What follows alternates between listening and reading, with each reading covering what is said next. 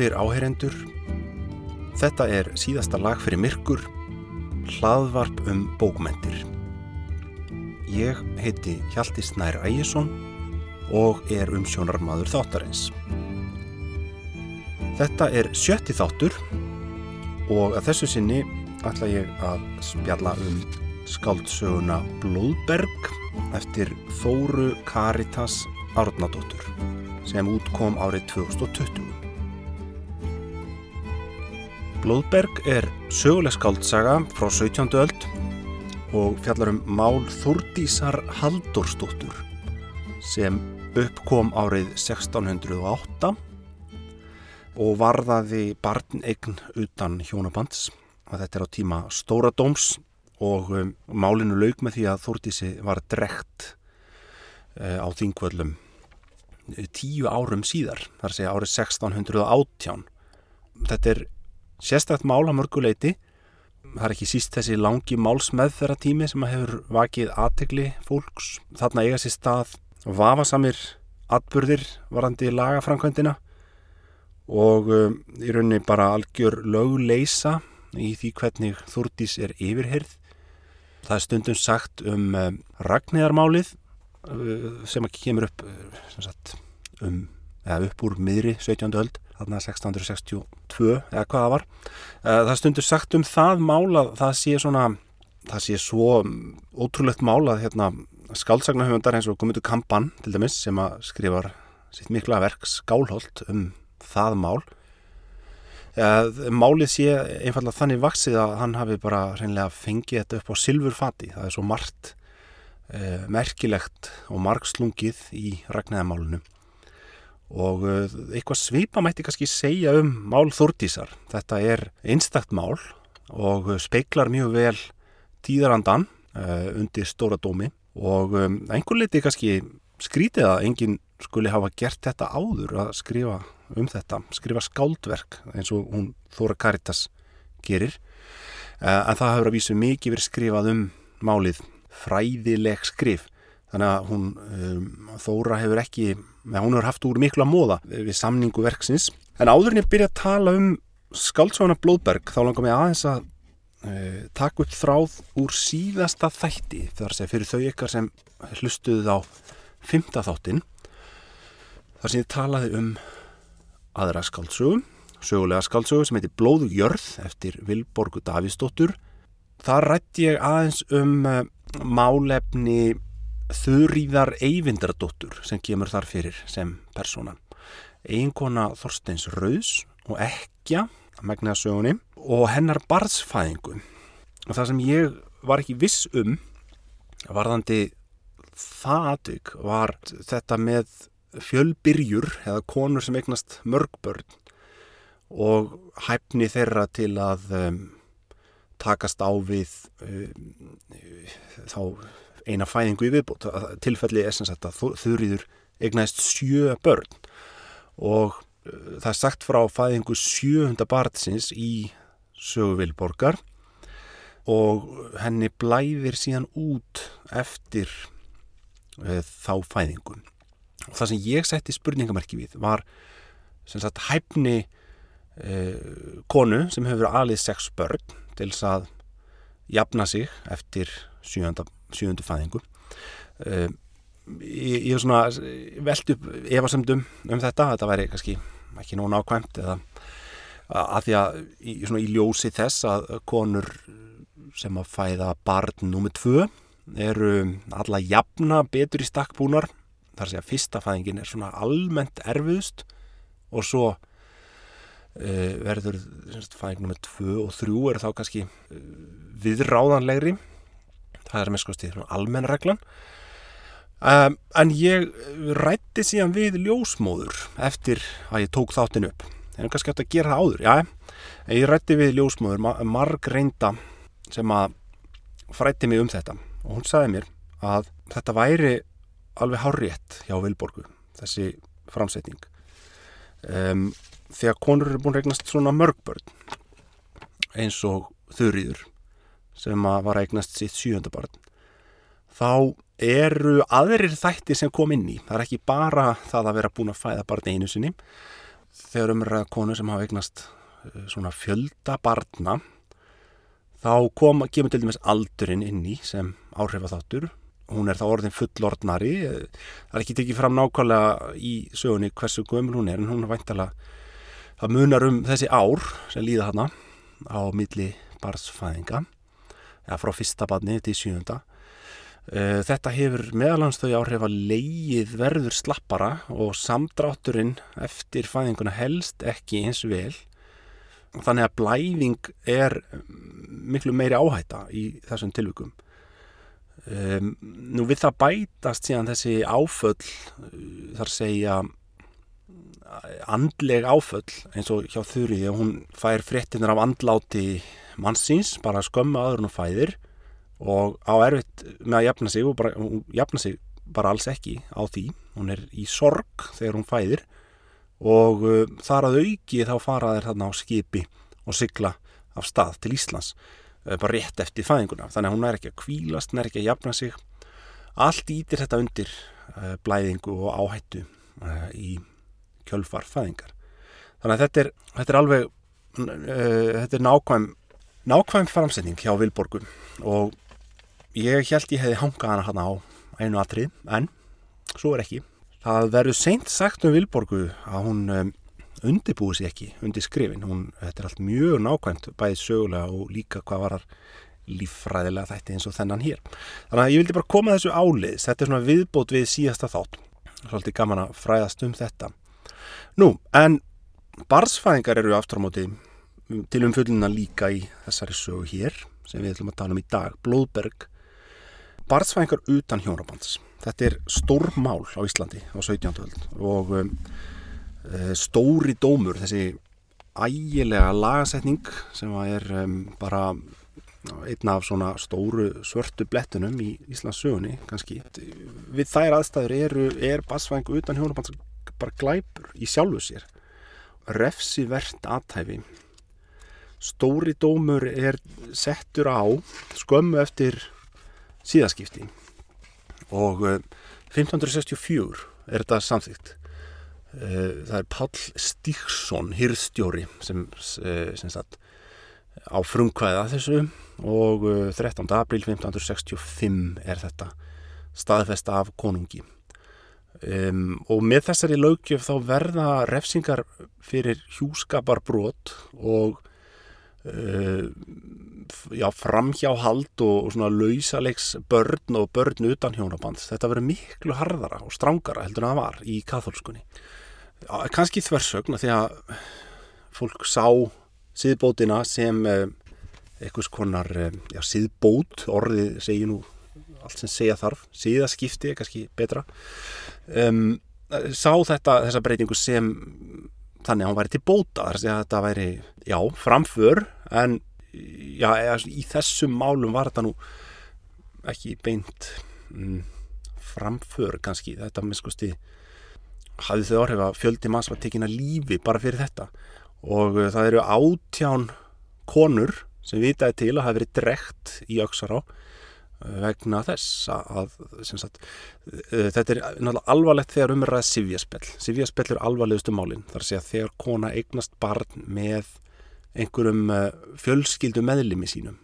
Eh, Þa, þannig brot eh, kalla á líflát á döðarefsingu um, og stóri, í stóra dómið ger svona flokkun á refsingum eftir eðli brotsins og viðlaugin eru mishá þetta eru, þetta er allt frá sektum og upp í um, líkanlega refsingu eins og sagt, hýðingu og svo er það al, alvarlegasta e, sifjaspellin eru alvarlegustu brotin, karlar eru hálshögnir fyrir slík brot en konum drekt um, í drekkingarhíl á þingvöldum og um, þetta er svona de facto í gildi alveg fram á 19. öld það eru að vísu ný refsilög tekin upp á, uh, í byrjun 19. aldar það er ekki lengur dæmt í dauða uh, fyrir svona brot uh, frá því um 1820 en það er ekki fyrir um 1870 sem að þetta er svona fullu afnumið úr íslenskum lögum.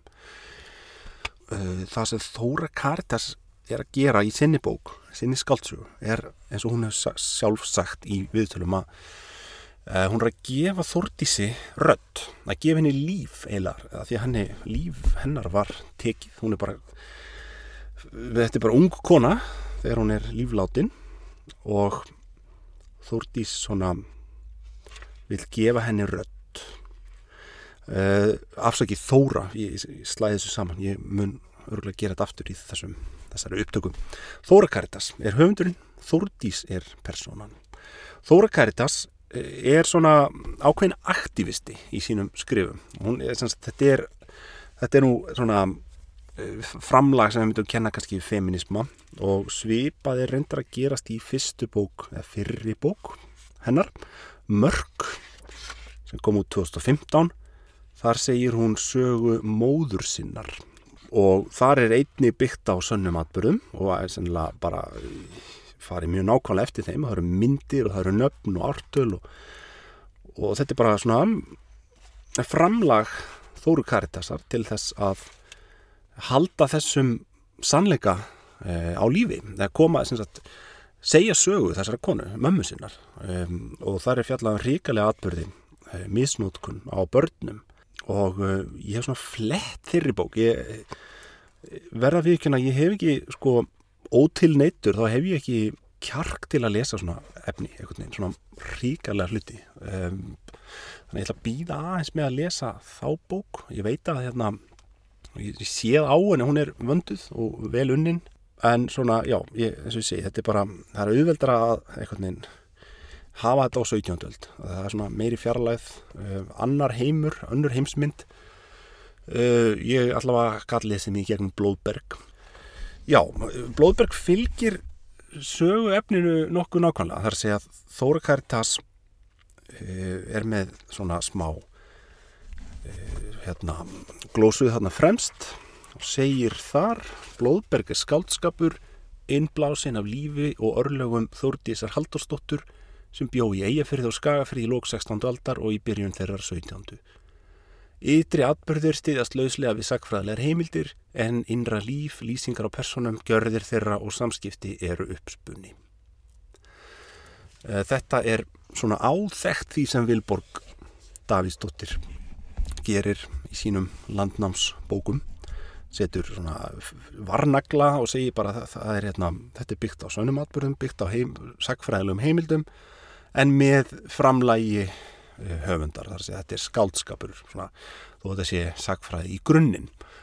Og það er þá hlutverk okkar lesenda að vega þá að meta hvernig til text í eh, sjálfu sér er, er ekkit markmið að miðla þessu nákvæmlega. Uh, og sam, sagt, þetta er ekki sagfræðilegt framlag þetta er skaldskapur, uh, verkið lítur sínum einn lögmálum. En svona fyrir okkur sagfræði áhuga menn þá er þetta á, gaman að spá í það hvað er satt og hvað er tilbúið í þessu. Ég get kannski byrjað því að reykja aðeins eh, málsatvík. Þetta hefst semst árið 1608 uh, í Hegranisþingi. Uh, þetta er mál sem búið að vera mjög umtalað og svona mikill orðrómur og slúður í kringum uh, málið áður en þetta gerist. Það er að segja áður en barnið fæðist. Þessi kona, Þúrdís, eignast barn. Hún er ekki gift og hún hefur meiri segja svarið eið eh, um það að hún hafi ekki verið við Karlmann kent. Um, það gerur hún vegna þess að það er orðrómur uh, á kreiki. Það er slúður í gangi, fólki er sem sagt að slúðra um hana og mann sem heitir Tómas Böðvarsson. Og Tómas Böðvarsson er máur Þortísar. Hann er giftur eh, bergljótu Haldurstóttur, Kvæntur Bergljóti Haldurstóttur, Sistur Þordísar. Það er svona á allra vitorði eða það er allra miskosti kvittur uppi um það að þau séu að stinga saman nefjum. Hún býr, eh, Þordís eh, býr á heimili þeirra, Sistur sinnar og Tómasar, mannsins hennar, þegar þetta gerist. Eyðurinn er á þá leið að, að, að hún segist ekki að hafa verið við Karlmann kent en svo, svo fæðist batnið, ég held að sé fimm mánuðin síðar. Þannig að hún hefur verið svona komin fjóra mánuð á leið þegar eyðurinn er svarinn. Svolítið öðruvísi heldur en í Ragnhæðarmálunu og uh, fyrir þau eitthvað sem þekkið til dæmis óperuna Ragnhæði eftir Gunnar Þórðarsson og Fredrik Erlingsson. Uh, hún byggir nú, held ég, mestuleiti á uh, skálholti eftir Guðmund Kampan. En það er sagt, uh, það sem er svona dramatíst við Eið Ragnæðar er það að Ragnæður sver Eiðin og svo fæður hún barn 40 vikum síðar, alveg upp á dag. Debattinn snýst svolítið um það var getnaðurinn búin að eiga sér stað þegar hún sór eigðin eða átti hans í stað eftir að hún sór eigðin og á þessum hangir svolítið mikið hennar sálar heil bara hennilega út frá þessum kristnu kenningum um, um eigðsvarningu þetta er meira átt að mála sverja eigð og þú gerir það ekkit e, svona að ganniðinu þú gerir það bara að vel íhugðu máli. Það, það, það bætist eiginlega við glæpin, má segja, hjá Þórdísi. Þórdís sjálf á frumkvæðið af því að sverja eðin það er Jón Sigursson sem er lögmaður á Reynistað og hann er frændi hennar og ja, hann síslumadur hún feð til hans og fær þetta skjálfest og vottað hjá honum. Og nú síðan þegar eh, barnið er fætt þá verður að fá föður, það verður að feðra barnið. Og það var í svona málum var um, snýrst allt um, sko, kerfið verður að fá okkur að staðfestingu svo sé þetta að loka málinu, það verður að vita það, hver er barsfæðirinn og konur sem voru í þessari stöðu að fæða börnu utan hjónabands það er gátu náttúrulega leikið á kerfið með því að segja eitthvað eins og um, að þær hafi hitt mann bara eitthvað starf út í, í móa og þær hafi ekki hugmyndum hvað hann heitir eða það hafi bara verið svona eitthvað tilfallandi þær hafi lagst með manni sem þær viti ekkert hver er. Og þá lendir ekkert þetta að gera.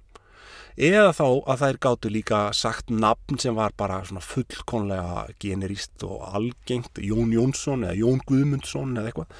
Sem sagt nafn sem var það eh, hérna almennt og algengt að það var ekki hægt að rekja það, það, er, það þetta var eina sem, sem það er vissu um mannin já hann hétt Jón Guðmundsson eða eitthvað svona. Uh, og þá er þetta að setja nafni á pappirinn, loka málinu en það er ekki að rekja það er ekki að finna mannin þetta er náttúrulega lungu fyrir tíma kennitölukerfisins og eftirlið samfélagsins. Það er sem sagt það var hægt að snúa á kerfið svona upp á vissu liti refsingin náttúrulega fór ekkert konum var refsað fyrir þetta en um, ef um var ræða Sivja Spell þá var þetta, gat þetta kannski verið svona eitthvað leið út úr vandanum það sem er sérstatt við Þúrdísi og hennarmál er að hún stendur á því, stendur alveg grjóthörð á því að hún hafi ekki sofið hjá neinum. Hún hafi bara viti ekkert um þetta. Og það svona flækir þetta mál. Og það er hérna, þess vegna dregst þetta á dregst í tíu ár. Og hún er bara algjörlega fylgin sér og först á þessu. Og það er svona eitt af það sem gerir hennar mál svolítið sérstakt. Það líka sérstakt í þessu máli að æðstu embætismenn landsins, einhverju þeirra, eru þarna að sýtla í þessu. Þar með talin Guðbrandur Þorláksson, hólabiskup. Menn hafa veldið fyrir sér af hverju óskupunum hann er að skipta sér af þessu máli. Það er ekki algengt að biskupar séu meðal votta að gerningum. Einkenningin er svo að Tómas Böðvarsson hafi verið sonur Guðrúnar Gísla, eða, hann er, hann, móður hans hétt Guðrún Gísladóttir og menn hafa veltið verið sér að þetta geti hafa verið sama kona og eignaðist uh, steinunni Guðbrandsdóttir uh, biskups. Þar að segja að uh, móður hans hafi verið barsmóður Guðbrands. Einnig. Þannig að hafi talið hann hafi talið skilt að beita sér í málinu. Uh, nú hann er líka tengdur ættavarböndum fólkinu, Þórdísar fólkinu og Þórdís er ekkit fátæk, hún er af ágætlega efnuðu fólki. Þannig að ef það hefði komið til sektargreðsluna fyrir brot að þessu tægi þá hefði kannski verið hægt að afgreða það bara með greiðslu. Nú, um, Herlúf Dó höfusmaður konungs um, sem bara aðstið embatsmaður landsins Eh, æðsti embatismadurinn í landinu. Eh, hann sagt, grýpur inn í þetta og er að vinna í málunu hann vil fá stað, eh, staðfestingu. Uh, hann vil fá fæðirinis viðkenningu og uh, hótar pyntingum hótar að pynta Þórdísi þánga til hún segir hið sanna um það hver sé fæði barsins en uh, þegar það er komið til umræðu þá gerist eitt áhugavert sem er það að lögrétta beiti sig gegn álíktar gegn öllu slíkum og lögmenninni líka. Um, þar segja það, áhuga, það sem er áhugavert við það er það að hérna, þetta er samfélag sem um, viðkennir döðarefsingar og drekkir konum fyrir þetta eignast börn utan hjónabands með skildmennum sínum. En uh, það er samt talið alvarlegt að uh, pyntingar, það eru ekki umborðnar og uh, þykja bara alvarlegt mál. Það er ekki eðlileg málsmeðferð að pinta um, og áhugavert að sjá þessi sterku viðbröð en samt er þetta gert á endanum. Það kemur uh, maður sem heitir Jörgen Danielsson fógeti hann er svona agent höfusmannsins og hann fær það hlutverk að pína konuna til sagna ef hann vil ekki segja allt hýð sanna. Og það er gert sem sagt að það menn skrúfa uh, fingur hennar, leggja skrúfur á fingur þórtísar og uh, eh, pinta hana til sagna. Og það sem hún gerir er að hún segir sem sagt eins og þetta er orðað í heimildunum Játning Þórtísar er svolhjóðandi ef nokkur hefur gert það þá er það Tómas Böðvarsson. Þvinguð, uh, þá nefnir hún má sinn. Það var það sem menn grunu þetta var svona það sem þið vildu heyra. Og um, þetta verður til þess að hún er tekin að lífi og, en hann sleppur, hann kemst úr landi eftir þetta. Þannig að þetta er svona í grófum dráttum gangur málsins heimildinnar um þetta eru aðalega alþingisbækur frá þessum tíma en einnig árbækur Espolíns og uh, annálar, annál Björns á Skarsá sem er nú reyndar uh, mjög nátengtur þessum atbyrjum og er vittni líklega að mörgu því sem þarna fer fram.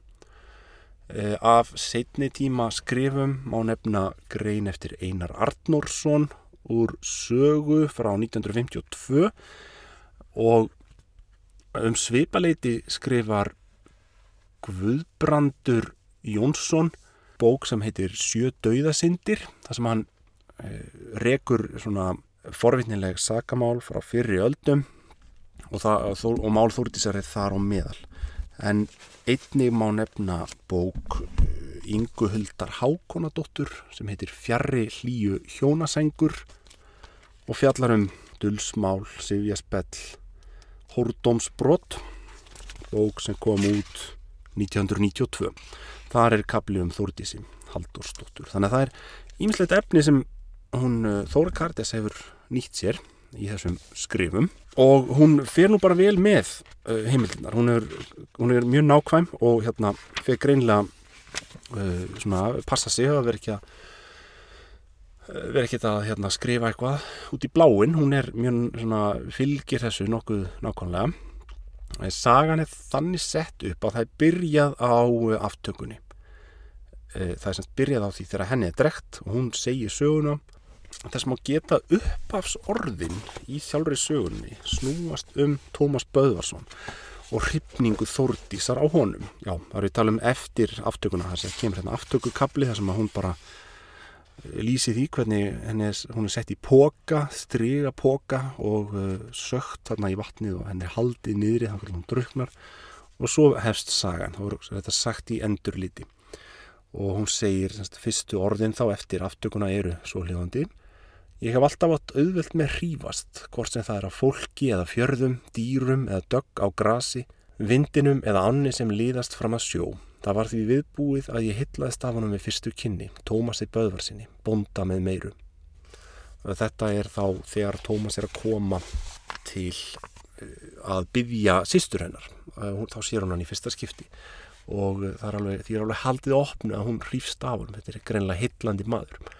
Og þetta er svona, daldi, svona grípandi byrjun hjá Þóru Karitas uh, hún velur þetta að hérna, byrja á aftökunni. Þannig að aldrei, við erum aldrei í vafa um það hvernig málið mun enda. Nýðustanir liggur fyrir þegar við byrjum að lesa söguna.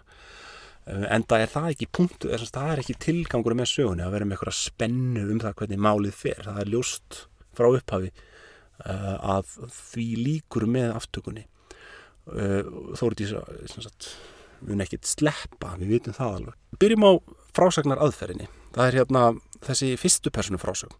Þórtís sjálf segir söguna. Það er mjög sniðugt. Það er mjög góð ákverðun hjá Þóru Karitas um, mér finnst það almennt síðan áhuga verðara heldur en það sem hún gerir hún, hún Vilborg til dæmis, Davíðsdóttir uh, í sínum bókum. Hún uh, Vilborg sem sagt notar alvitran sögumann og bara sínir okkur inn í hugsanagang allra persóna eftir því sem hendar hverju sinni og uh, getur bara hendinn þeim upplýsingum sem hún vill. En uh, Þóra Karitas velur bara Þúrdís bara Þúrdís sem talar bara hennar hugsanir sem við sjáum. Og þetta er, getur verið svona kveikjan að mjög kreatífum og skemmtilegum uh, framsætningar leiðum vegna þess að þegar að höfundurinn setur sér svona takmörk, setur sér svona skorður þá getur það verið mjög, mjög svona heitlandi, eða það getur skapað alls konar heitlandi senur. Þar sem til dæmis skortur á vittnesku skapar eitthvað dýnamík og personan veit ekki eitthvað sem að kemur kannski setna í ljós eða hugsanlega lesendur sjálfur vita. Nú, um, það er líka eitt í þessu sem að er það að með því að velja sér sögumann eða gera aðalpersonuna að sögumanni þá er, þá er líka þetta að skapa personuna í framsetningunni, búa til karakter, impersonatio.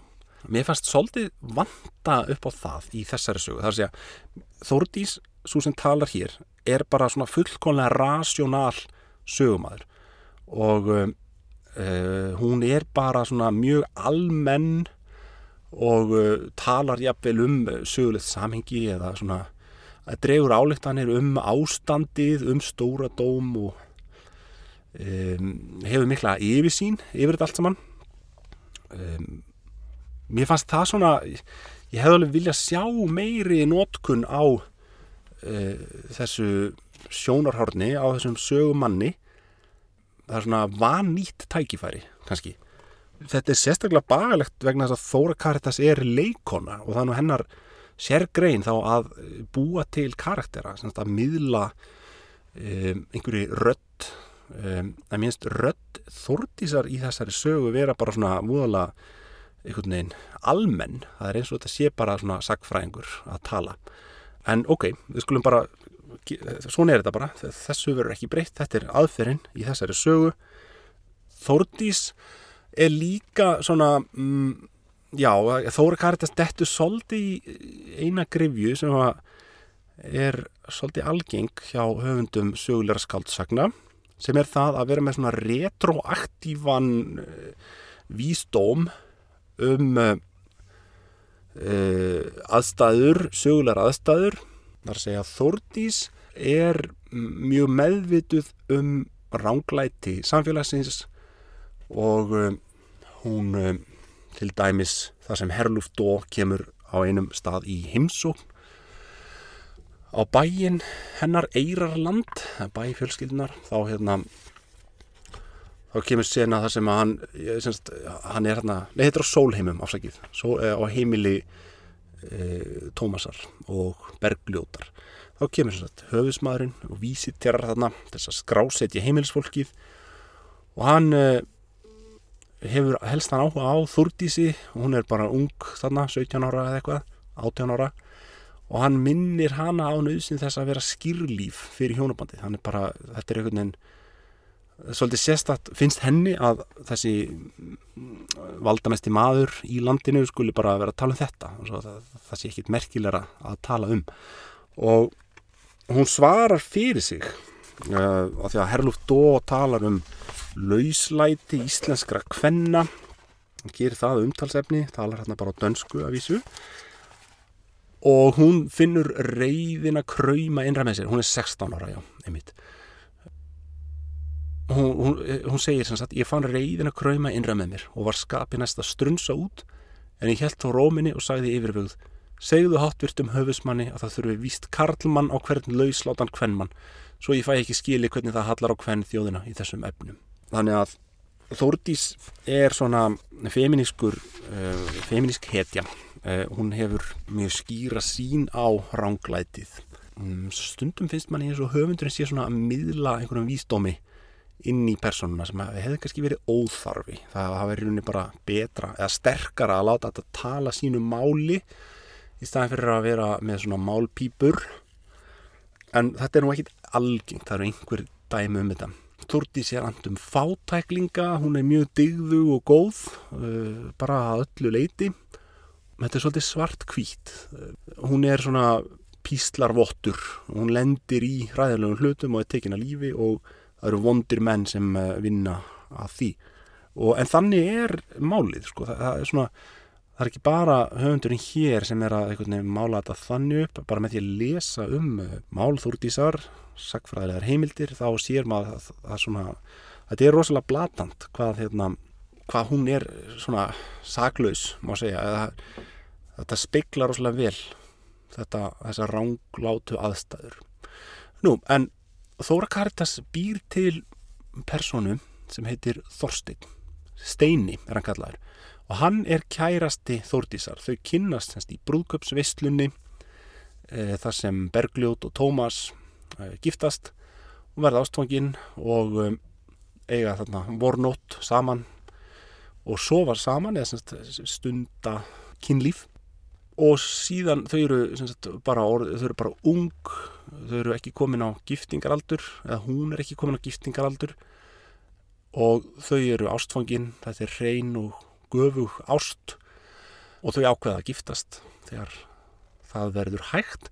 En því miður þá veikist drengurinn um, og deyr áður en Þordís hefur náð giftingaraldri.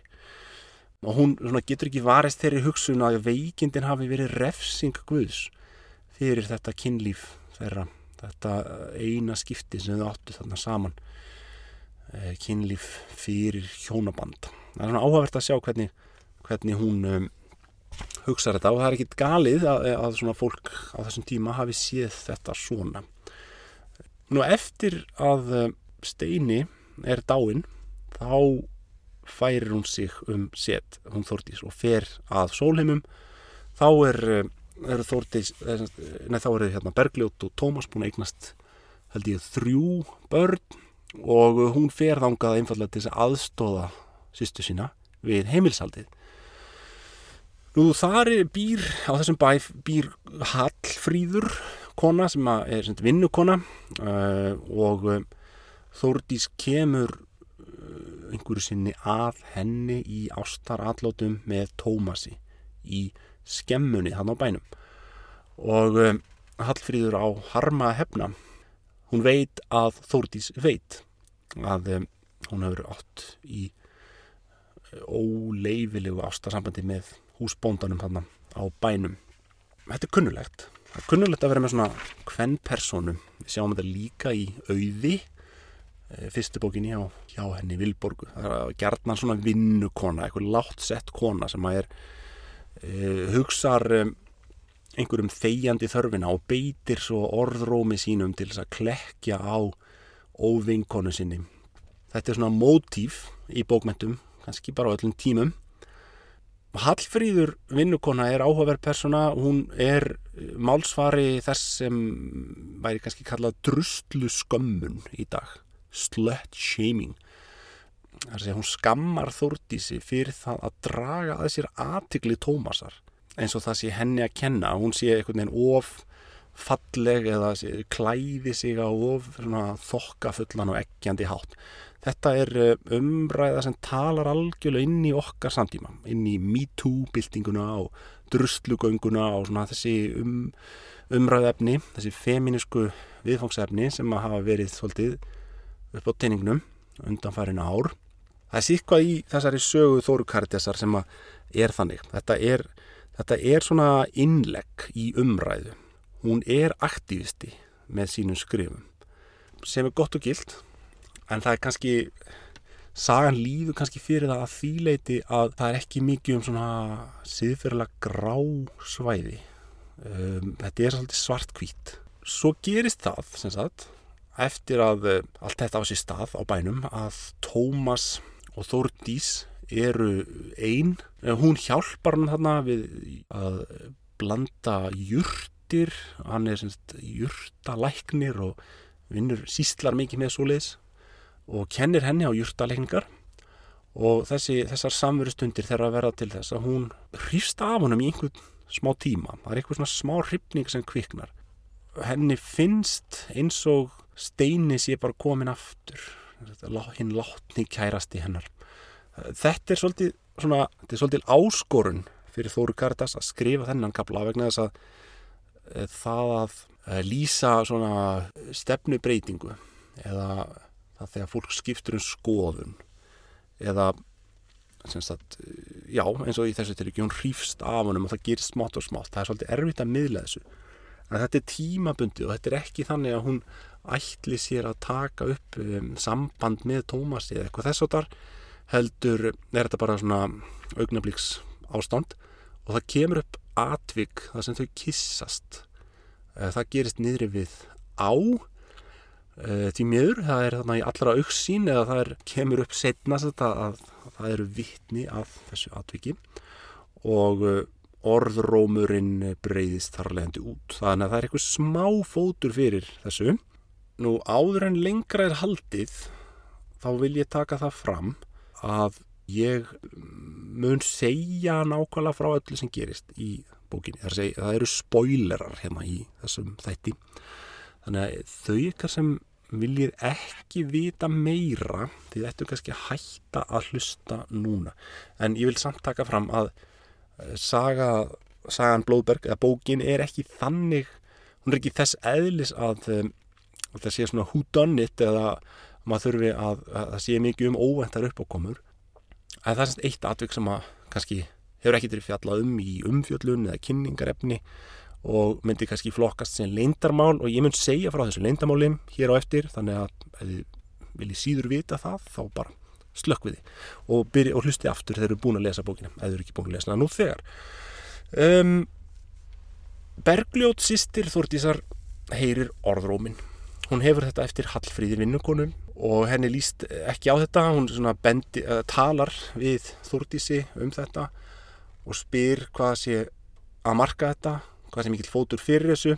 Og það er þá sem Þúrdís ákveður að gera þetta með eigðina, fara til Jóns Síslumans og sverja þess eigð að hún hafi ekki verið við Karlmann kend hún að vísu hefur náttúrulega verið kend við uh, Steina þar sem hún hefur sofið hjá Karlmanni.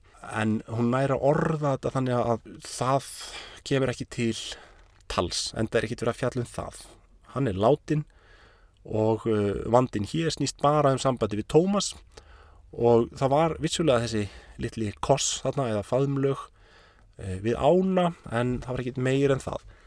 Og það er það sem Þórdís vil fá skjálfest og vottað. Uh, Jón Síslumadur hins vegar telur þetta svolítið svona einum of, hann finnst þetta óþarfi og hann neytar að skrásetja, hann neytar að taka eigðin uh, sem segir bara það eru að tala við bergljótu ég, skal tala við hana frengum mína, fá hana á minn fund þess að útskýra málið. Og þessi ákvörðun er svolítið óheppileg vegna þess að ef hún hefði fengið að sverja einin þarna þá hefði þetta verið allt í lægi vegna þess að um, það er um, skomu eftir þetta þá um, er haldið nýjársveistla á hólum. Eh, það sem fjöldamanns er bóðið til biskupsins og þetta er yfirstjæða fólk, þetta er ekki fátaklingar um, og þarna fyrir Þórdís í fyrsta skipti, hún er að hýrta þessum veistlum áður og hún fær að fara núna í fyrsta skipti hún er semst orðin og gömul til þess. Þarna gerist það og hún henn er nöðgað það eru tveir eða fleiri karlmenn sem eh, eru að verki. Og um, hún veit ekki hverjir brotamennir eru. Þessi sena er svolítið svona, þetta talar alveg inn í Me Too eh, vegna þess að um, hún um, til dæmis er búin að drekka áfengi þegar að þetta gerist. Hún er búin að fá sér vín og hún finnur á sér og svona og eftir nauðgununa þá velti hún þessu fyrir sér hvort að hún, þetta sé henni að kenna og hún hefði ekki átt að fá sér áfengi. Uh, þetta er svona kunnulegt finnst okkur í dag en þetta er hrigalegt atvik og þetta er semst raunverulega skýringin á óléttunni. Þarna á getnaður en sé stað. Þetta er semst getnaður í kjölfar nauðgunar. Það var áhugavert að sjá e, þarna í jólabókaflóðinu þegar Blóðberg kom út 2020 þá var frétt á Smartlandinu á MBL eða svona kynningar svona innslag, viðtal og umfjöllun um bókina eh, sem var með eh, falleri mynd af henni Þóru Karitas þessari hugulegu konu og fyrirsögnin var svaf hjá mági sínum sem hafði miklar afleðingar þetta fer kannski í, á topp 5 yfir svona ósmekklegustu smellubeitur ársins og svo setna um daginn þá var búið að breyta fyrirsögninni og hún var orðin að sofa hjá mági sínum hafði miklar afleðingar um, þannig að það er ljóst af þessu að fréttamaður Smartlandsins hafði ekki lesið bókina kynnt sér nákvæmlega hvernig þetta fór fram vegna þess að Þúrdi sefur aldrei hjá mági sínum. Það er ekki Tómas sem er fadurinn uh, ef marka má söguna. En Það er hins vegar ekki útilokað að hann sé meðal gerenda og eru hugsanir sækja mjög stíft á Þordísi. Hún getur ekki útilokað það að hann sé nöðgarinn. Hún veit það ekki, hún sér hann aldrei. Um, en hann hafði hrifist af henni, sannarlega. Um, þannig að þetta, þessu er haldið opnu. Eftir jólin, eða eftir þarna vissluna, þá kemur kvitturinn aftur upp uh, og Bergljót hefur þá fengið fréttina af faðumlegum Tómasar og Þúrtísar við Sæmundar á og þá vill hún Bergljót láta sýstu sína sverja eið. Og þá er það gert. Það er, það, er gert eftir nöðguruna skiljið, ef það hefur gert fyrir þá hefur það sloppið vegna þess að þá er uh, getnaðurinn sannlega ekki búin að eiga sér stað þegar eidurinn er svarin en uh, það er svona áavert að sjá þessar paranói hugsanir í Þórdísi sem koma upp eftir eigðin. Síðan skömmu eftir þetta, eða þarna um vorið, þá vitrast Marja Guðsmóðir henni Þórdísi í draumi og Þórdís átta sig þá á því að hún er barshafandi. Og Marja mei er, þetta er ekki út í loftið hjá Þóri Karitas vegna þess að það var það er sagt í málskjölunum að um, ég held að Jörgen Danielsen eða einn af þessum yfirheyrendum þarna. Þeir segja eitthvað á þá leið að e, Þórdís verði að játa fadernið því það gangi ekki að hún sé að gera sig að Marju um, það líkur einhvern veginn í loftinu að, að barnið hafi mögulega verið eingetið. Þetta er svo gróf móðgun við valda stjettina að halda slíku fram, sérstaklega út af þessum trúalögu konnotasjónum sem það hefur. Nú en draumar eru nokkuð algengir í þessari sögu. Ég taldi held ég um sex tilvik þar sem draumar eru notaðir til að miðla eh, einhverjum upplýsingum og eh, það er semst í draumi sem hún átt að segja á þessu. Þegar hún veit af þessu að hún er með barni þá undirbýr hún flótt flótta og mér fannst þar í umfjöldinu um flóttan þá finnst mér Þóra Karitas nota svolítið um, sögumannin og þessar takmarkanir. Uh, það hefur verið gaman að sjá meira af slíkum í frásagnar aðferðinni þetta er þannig sagt, að hún er að undirbá flóttan hún er búin að reyna að leina ólitunni bara með því að klæða sig þannig að þetta sjáist ekki og eitthvað þess og þar og svo þegar hún er að bara daginn áður hún er búin að ákvæða að fara þá hlerar hún samtal sýstu sinnar og Tómasar og það kemur að það þau vita alveg hún er ólétt þau segja bara það, það sér þetta hver maður og það er augljóst mála að hún er ólétt og hvað ertu búin að gera? Ertu, og hann sver af sér uh, fadurinnið um, þannig að þar er Þórdís skrefi á eftir þar sem hún hefur ekki hún telur sig vera búin að leina ólittunni en annað kemur á daginn og við föttum það bara um leið þetta var mjög vel gert. Og síðan sama það þegar hún sagt, ákveður að flýja og svo er bara kemur koma kaplaskíl og þá hefst næsti kapli á því að e, hún hefur verið tekið til fanga. Þar sem hún náðist, flottin mistókst. Sú kona sem sýnir henni mestan skilning og mesta samúð er Þorbjörg, síslumansfrúin, eiginkona Jóns síslumans og merkilegt nokk er Jón síslumadur líka lauslætis maður, hann hefur eignast börn utan hjónaband sjálfur á þó að heita málsvari réttvísinar í þessu samfélagi Stóradóms og það er alveg sam, samræmi við e, raumurleikan Eh, þar að segja að Þóra Kardes er ekki búa það til. Þetta, þannig var þetta var tilfellið með þennan Jón Síslumann nú síðan í setni helmingi bókarinnar þarna um þetta leiti er bókin Hálnuð og þarna er Þóra búin að búa til um, steina og hún er búin að búa til þess að nöðguna senu hún er búin að uh, útskýra aðdraðanda barsfæðingarnar með sínum skáldlegu tækjum. Og síðan eftir miðja bókina í setni helmingi þá eh, hins vegar fylgir hún heimildunum nokkuð nákvæmlega. Og þá er sett frá uh, réttarhöldum, það er farið til Þingvalla og um, það er Herlúf Dó sem kemur hérna og uh, hans innlegg og hans uh, pyntingasenan og þetta er allt nákvæmlega eftir heimildunum uh, það má segja að Þórdís hafi, neða, afsakið Þóra Karitas hafi minna svigrum í setni helmingnum. Þar er hún algjörlega bundin við heimildinnar. E, þannig að það er svona ákveðið misgengi í sögunni af þessu leiti. En áhugavert að lesa þetta allt til enda, enga síður. Herlútt og lætur pinta hana til sagna. E, hann mætir andstöð á þinginu og verður reyður af því að hún er fyrst Íslendingar ekki láta nægilega vel að stjórn en e, þetta er náttúrulega lögréttu til ævarandi e, veksauka að þau skuli hafa þó hafa stað í lappinnar e, með þetta, það gefa sér ekki þegar það er farið að tala um pyntingar.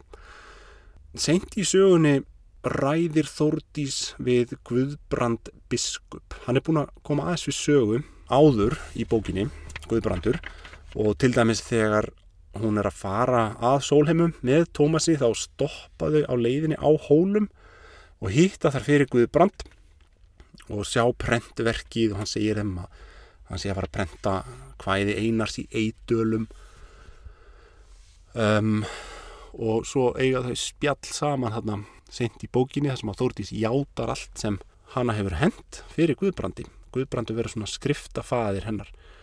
Og þá verður það honum til þess að ræða um kathólsku og lútersku. Hann harmar það mjög að, um, að hann skul ekki hafa þetta mál á sínu borði hann hefði haft það í hennum kathólska síð. Guðbrandur er náttúrulega lútersku biskup og er mikill málsvari lúterskunar en það er samt breytingi sem á sér stað með síðaskiptunum er svo, eina þeim eina breytingunum sem þeim fylgja er það að dómsvald í þýðferðismálum færist frá kirkunni og yfir til veraldlegra ennbætismanna uh, og stóri dómur verður til. Þetta hefði, ef þetta mál hefði gerst í katholskum sið þá hefði Guðbrandur kannski haft þetta á sínu borði. Um, áhugavert, svona áhugavert söguleg yfir sín og það er svona alltaf svolítið fristing hjá höfundum sögulegra skáldsagna að draga svona stórmenni sögunar inn í söguna þetta er bara sagt, alveg í allri hefð sögulegra skáldsagna þá er þetta algengt og stundum ganga mér mjög langt í þessu og eru bara að tróða alls konar stór atbyrðum og, og hérna, stór mennum einhvern veginn inn í söguna og það, það verður svolítið svona ósanfarandi ef það, er, ef það er gert í of miklu mæli. En ef það er gert svona smekklega og, og kannski hæfilega lítið þá verður, getur það verið áhrifaríkt. Og mér fannst þetta svolítið svona yfir strikið hérna hjá henni Þór Kardas að vera að nota Guðbrand í þessari sögu. En svo þegar ég kynnti mér máli betur þá kom á daginn að, Guðbrandur er betin málsaðili. Að þetta er ekkert út í bláin, þetta gæti hafa gæst Guðbrandur skipti sér af þessu máli. Þannig að það er svona grundvöllurinn fyrir því að gera hann að personu hér. Og svo endar þetta bara með eins og við erum búin að reykja nú þegar að það er pintað það er pintaður fram vittnisspörður og Jörgen Danielsen umbóðsmaður höfusmassins þvingar fram þennan vittnisspörð og þetta er mjög svona ángurværar og erfiðar senur sem við sjáum hérna með e, síni þúrdísar þau kveðjast hérna og hérna, þetta er svona svolítið sorglegt allt saman. Það er áhugavert að sjá að e, framsætningar aðferðin eða sögumans röttin breytist aðeins líka eftir eftir miðjabókina og þegar þessi ár líða þarna frá barsfæðingunni og að aftökunni, tíu ára tímabil þá kemur svona ákveðin annálsbragur á textan. Allt í einu Þordís bara komin í þetta hlutverk að rekja eh, um, helstu atburði hvers árs. Ég var, svona, ég var ekki alveg að kaupa þetta, akkur hún er í þessu hlutverki. Þetta er svona einhver tilröndis að láta tíman líða, greinlega. Nú, en þetta er hæfilega umfangsmikil frásögn fyrir þetta mál, finnst mér. Minnst uh, Þóra Karitas gera það mjög smeklega að hún er ekki að tegja lopan, hún hefur þetta svona fyrir eitthvað stutta á knappa sögu, enda er sjónræðinni bundið við eina personu, þetta er mjög svona snirtilega gert. Títillin þótti mér undarlegur, um, Blóðberg, hugmyndin er væntalega svo að það sé einhvern veginn margrætt og en það eru senur þannig að, að hún er að miksa einhver einhver júrtaseiði og nota blóðberg þar á meðal. Um, senur sem eru sennilega skrifaðar inn til þess að byggja undir hann titil mér finnst þetta skrítni titil að því leiti að aftakan í þessu tilviki eh, inni felur ekki blóðsúthellingu.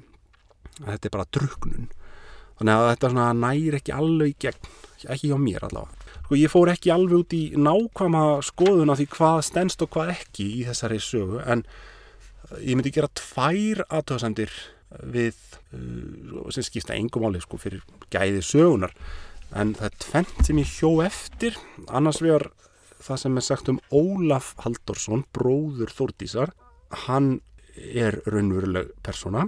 Uh, það er sagt um hann að hann hafi verið skólameistari á hólum um ára bíl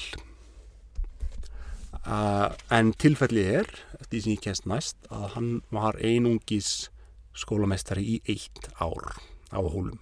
Ok, bara lítið atrið. En vildi ég svona halda þessu til haga.